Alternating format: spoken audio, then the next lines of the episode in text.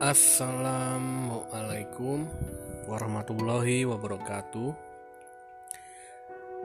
Alhamdulillah, saya Arif kembali lagi bisa menjumpai teman-teman podcast 1001 kisah lagi dengan episode terbaru di episode ke-13 ini masih melanjutkan uh, kisah dari Nabi Yusuf yang di episode lalu itu masih pada bagian ke satu. Memang cukup lama juga saya baru bisa podcast lagi karena ada suatu hal yang membuat podcast saya tertunda tapi alhamdulillah akhirnya saya bisa membacakan kembali lanjutan cerita dari kisah Nabi Yusuf alaihissalam. Pertama-tama saya mohon maaf atas kesalahan saya di episode lalu yang menyebutkan di akhir cerita Nabi Sulaiman. Saya menyebutkan beberapa kali uh, Nabi Sulaiman yang seharusnya adalah Nabi Yusuf. Mungkin kemarin sudah lelah membacakan ceritanya jadi konsentrasi pun memudar uh, mohon maaf tolong dimaklumi karena saya juga manusia biasa yang punya rasa lelah dan salah. Baik. Kenapa episode kali ini di Nabi Yusuf ini agak lama? Saya juga mencari-cari. Alasannya adalah saya mencari-cari sumber untuk cerita Nabi Yusuf.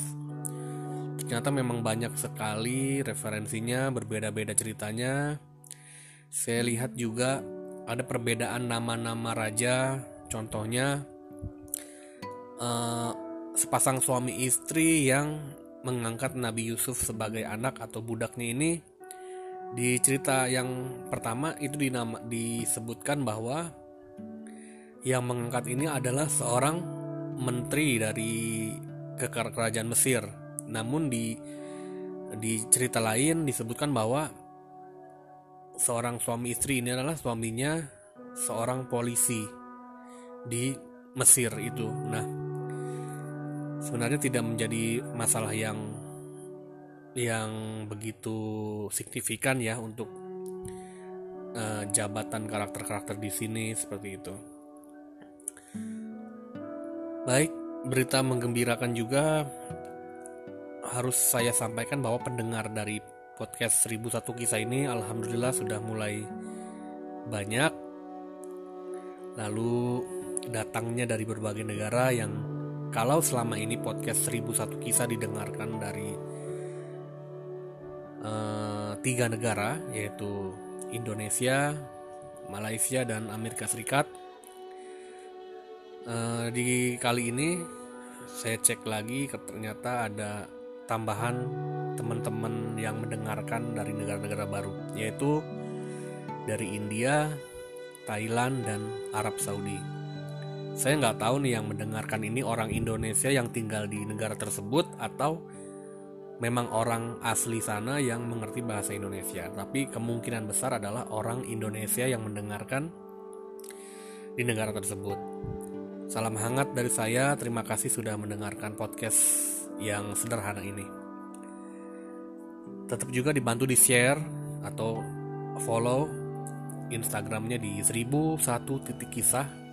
1001 titik 1001 nya itu menggunakan angka 1001 titik kisah.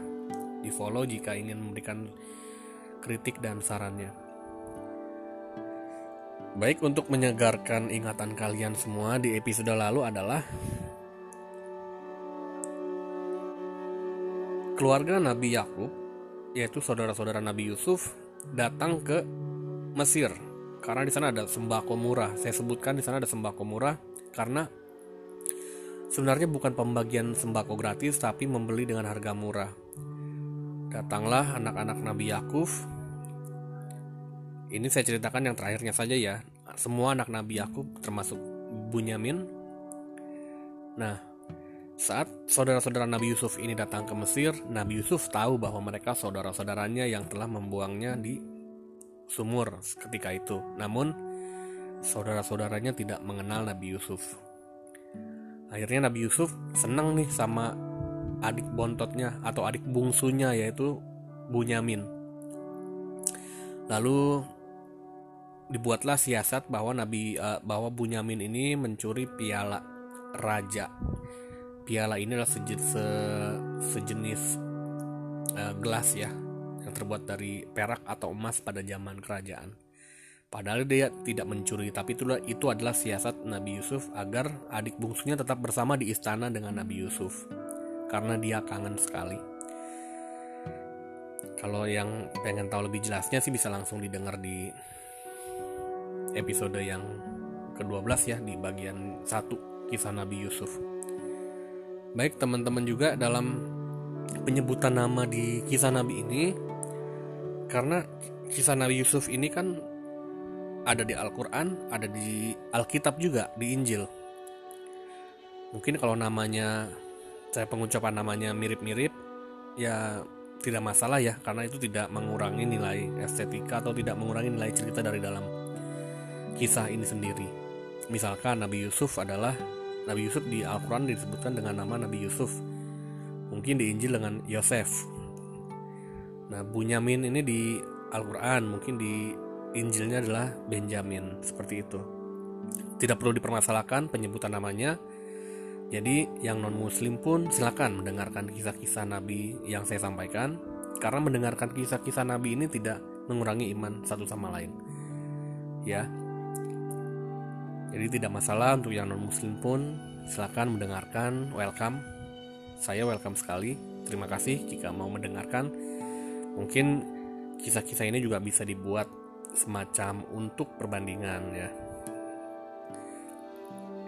Baik tidak usah panjang lebar uh, prolognya, kita lanjutkan saja kisah Nabi Yusuf bagian 2. Bismillahirrahmanirrahim. Selamat mendengarkan.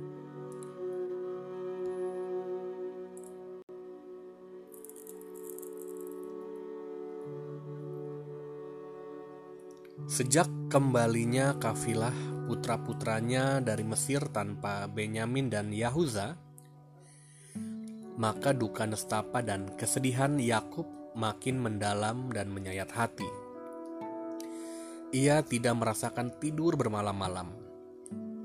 Mengenangkan ketiga putranya yang tidak berketentuan tep tempat dan nasibnya, ia hanya terasa terhibur bila ia sedang menghadap kepada Allah, bersolat bersujud seraya memohon kepada Allah agar mengaruniainya kesabaran dan keteguhan iman menghadapi ujian dan percobaan yang sedang ia alami.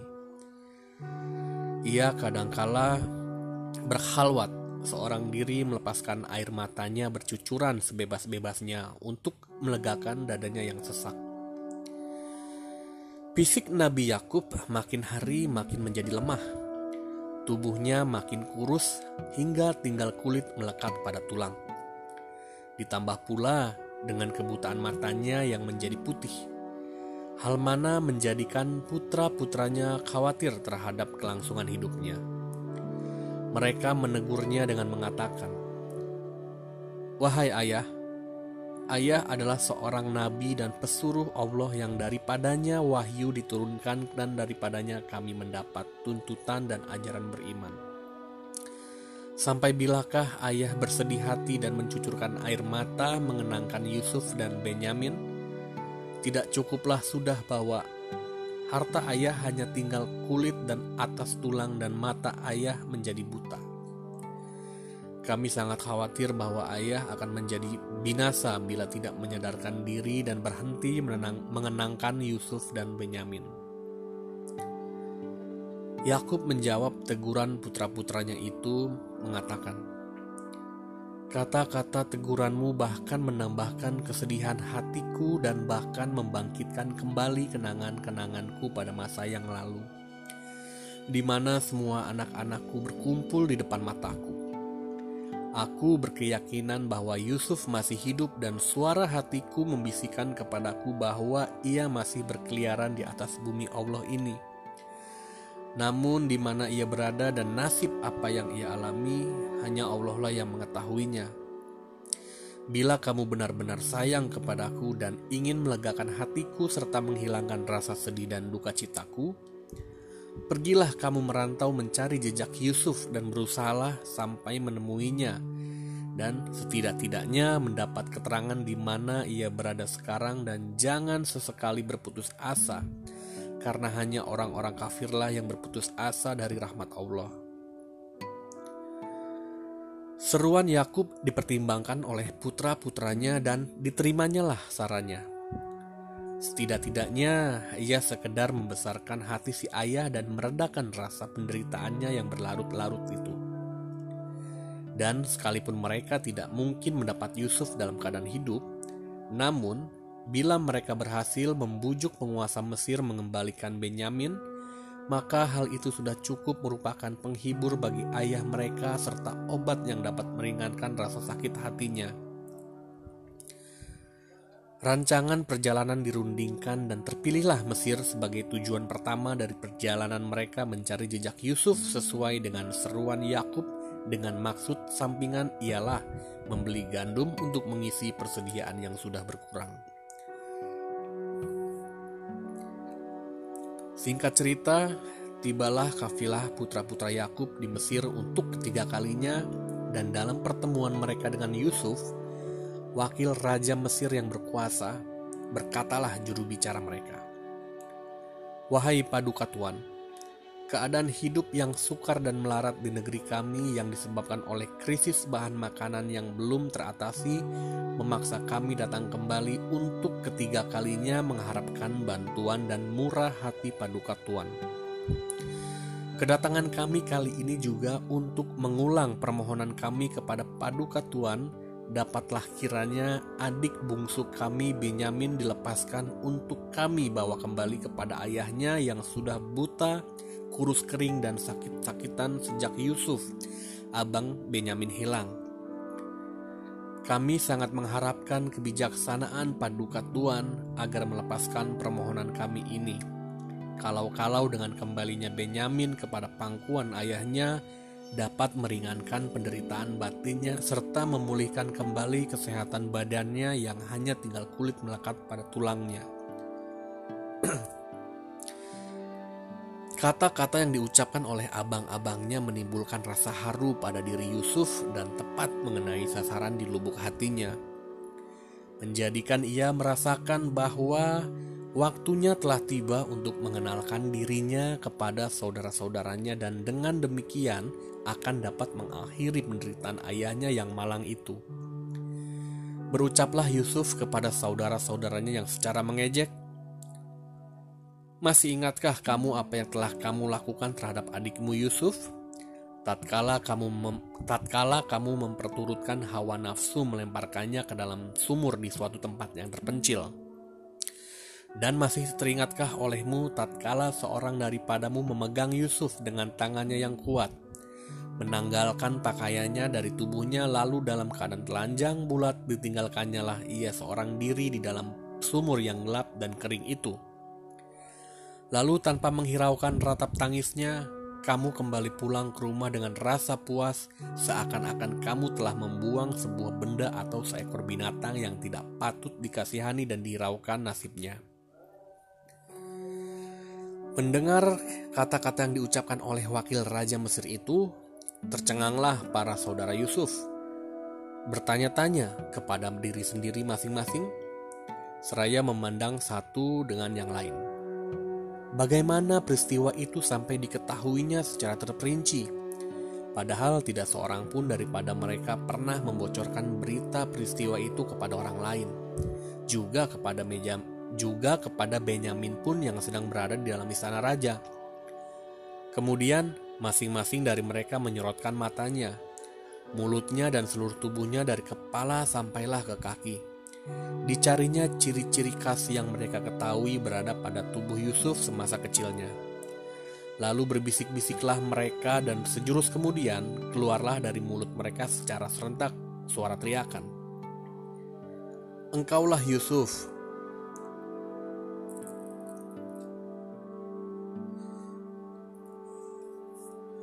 Benar, Yusuf menjawab.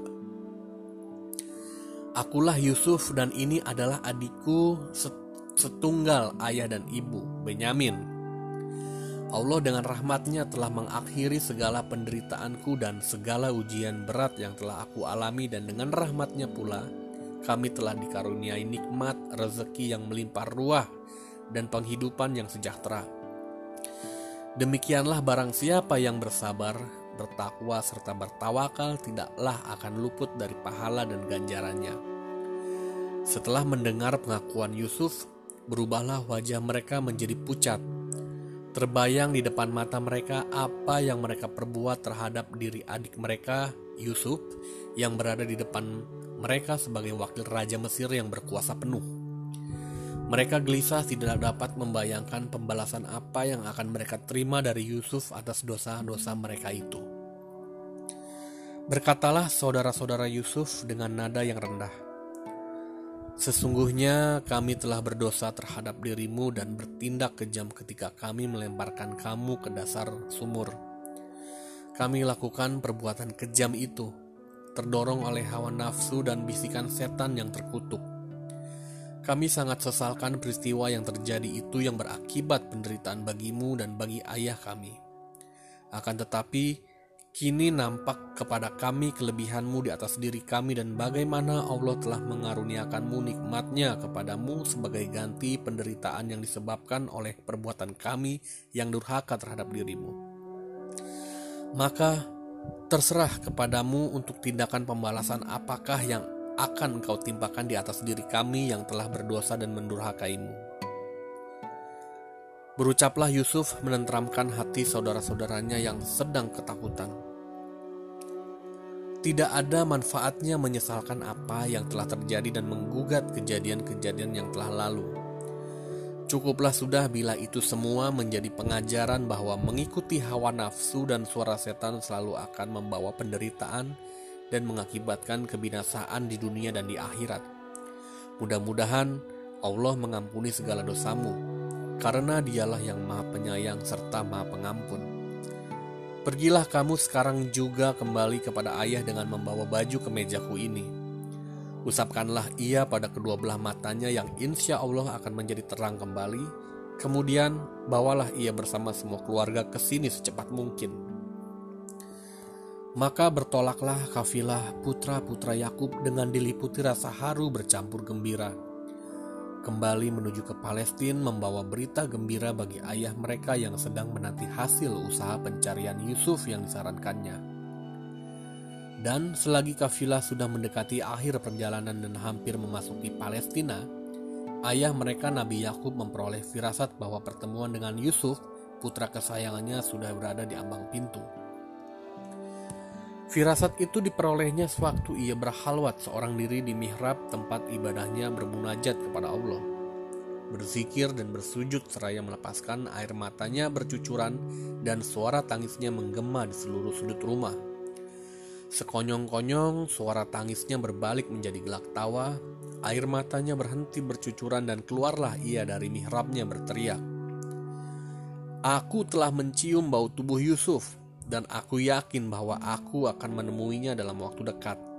Ini bukan hayalan dan bukannya pula bawaan kelemahan ingatan yang selalu kamu tuduhkan kepadaku.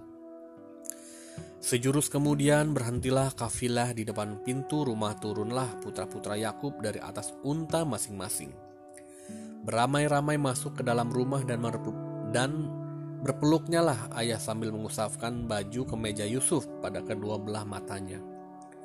Seketika itu pula terbuka lebarlah kedua belah mata Yakub, bersinar kembali memandang wajah putra-putranya dan mendengar kisah perjalanan putra-putranya dan bagaimana mereka telah menemukan Yusuf bersama adiknya Benyamin. Disampaikan pula kepada ayah seruan dan undangan Yusuf agar semua sekeluarga berhijrah ke Mesir dan bergabung menjadi satu di dalam istananya, istananya dan segera berkemas-kemaslah Yakub sekeluarga menyiapkan diri untuk hijrah ke Mesir.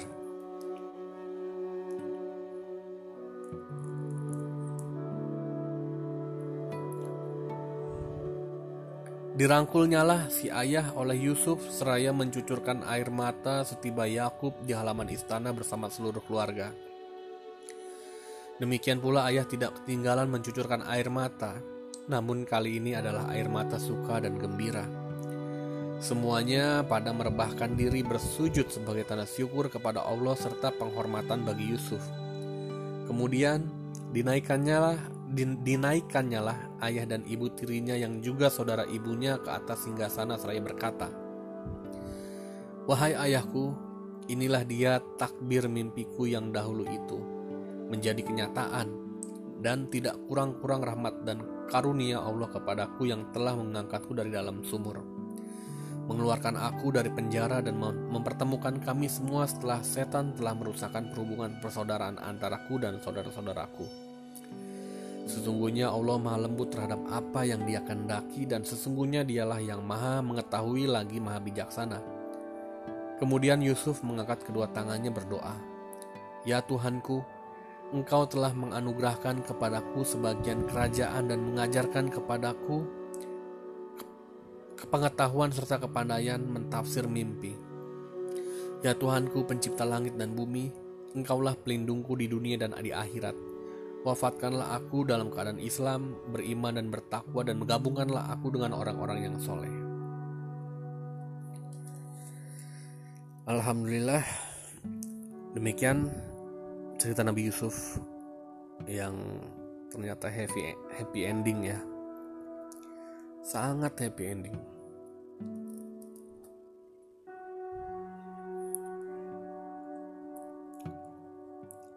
Nabi Yusuf luar biasa luar biasa banget. Tidak ada sedikit pun rasa dendam kepada abang-abangnya saudara-saudaranya yang dulu membuangnya di sumur. Sama sekali nggak ada. Banyak sekali hikmah yang bisa diambil atau adab yang bisa diambil dari Nabi Yusuf dan jangan salah saudara-saudaranya ini yang dulu jahat mereka juga harus diambil hikmahnya karena saudara-saudaranya ini berani bertanggung jawab maksudnya gini dulu kan dia buang Nabi Yusuf.